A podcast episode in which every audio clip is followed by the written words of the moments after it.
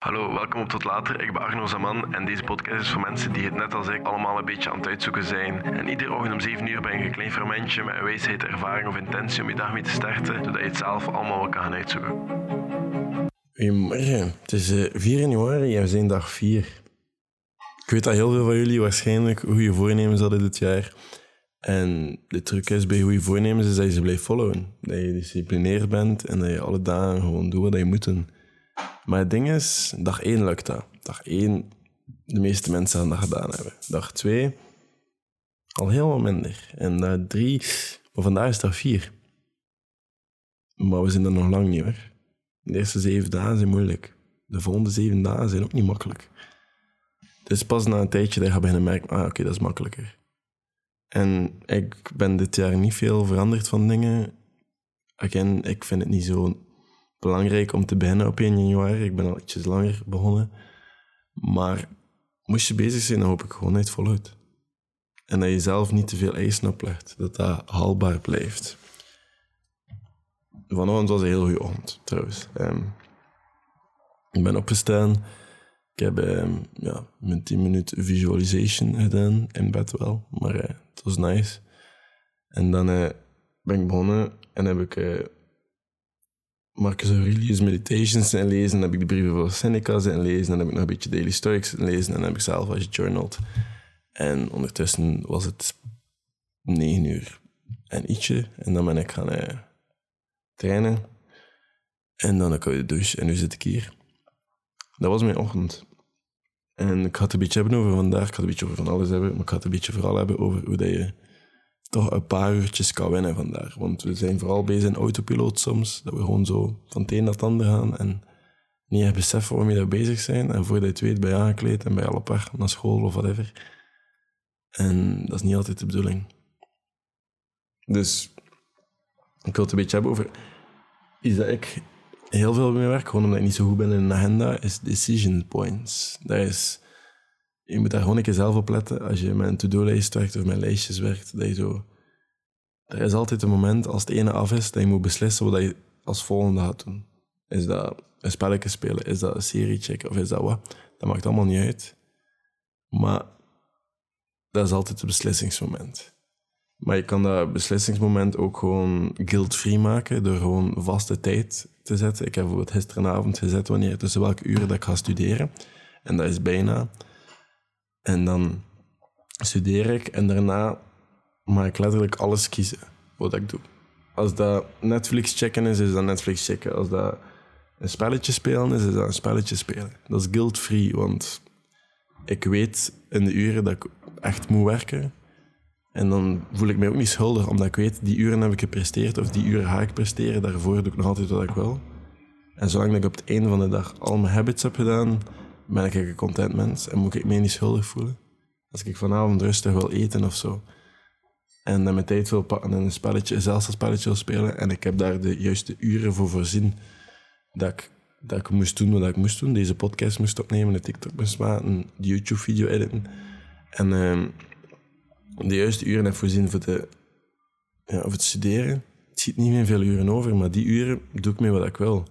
Vanavond ga ik naar de klimzaal. Vanavond ga ik waarschijnlijk ook misschien een keer een filmpje. Ik ga dat nog zien.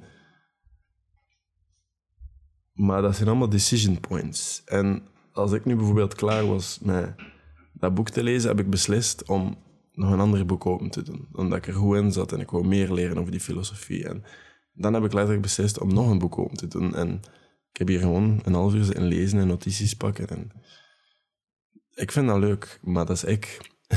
En dat is het eerste wat ik gedaan heb vanochtend. En dat zijn beslissingsmomenten. En wanneer dat je die kan onderscheiden van oké, ik ben nu op dat moment dat aan het doen en ik ga nu dat doen. En je doet dat niet zomaar, je doet dat niet los, omdat je dat onbewust vaak doet, dan ga je vaak veel meer uit dat hebben. Want je kiest er bewust voor.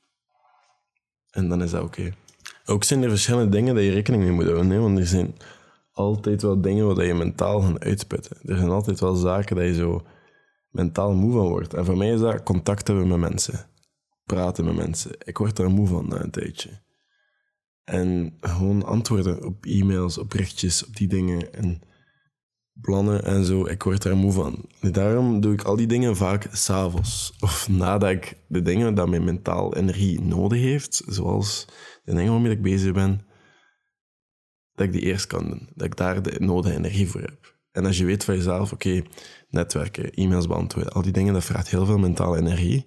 En je voorziet daar een tijd voor na de dingen dat je dat eigenlijk twee mentale energie vandaag nodig hebben, want je prioritiseert je taken. Hey, dat vind ik belangrijk, dat vind ik niet belangrijk. Dan ga je daarna ook kunnen zeggen van, yo, hey, weet je, nu kan ik dat doen, want ik heb de andere gedaan. En dan is het in orde. Maar ik, ja, er is zo... We worden moe van beslissingen nemen, we worden moe van e-mails, we worden moe van netwerken, we worden moe van, van allemaal verschillende zaken. En je moet even keer voor jezelf bekijken wat je belangrijker vindt op dat moment. En hoe dat je dag dan ook gaat indelen. Maar het ding is ook, vanochtend, um, ik was mijn workout aan toen, krijg je nog steeds de vraag wat ik mijn workout zou hou, allee, haal, excuseer, um, freeletics. Dat zijn bodyweight workouts. En vanochtend was het een beetje um, mij serieus aan het uitdagen. Dat was de eerste workout en dat was nog een workout. En dan was het, ja, dat is hoe verder je gaat, hoe meer workoutjes apart je krijgt. En nu moest ik twee keer dezelfde workout ook naar elkaar doen op het einde. En dat was twee keer Poseidon, noemt dat. En dat was 20 pull-ups, 20 push-ups, 15 pull-ups, 15 push-ups, 10 push-ups, 10 ja, pull-ups, 5 push 5 pull-ups, 5 push-ups. Maar dat twee keer. Dus nog een keer 20, 15, 10, 5. Ja. En uh, de tweede ronde was ik serieus aan het afzien. Ik heb er 20 minuten over gedaan of zoiets. Um, en al bij al heel de workout was een uurtje. Maar ook gewoon, ik was zodanig aan het zweten achteraf dat die koude douche, die nu ijskoud is trouwens, met, die, met, met dat winter is, en denk dat het gewoon buiten vriest, waardoor dat gewoon...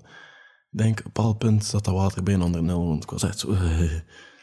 maar al dat heeft er al voor gezorgd dat ik nu zo heel veel energie heb en dat ik zo nu wel echt het gevoel heb dat ik mentaal heel veel dingen aan kan.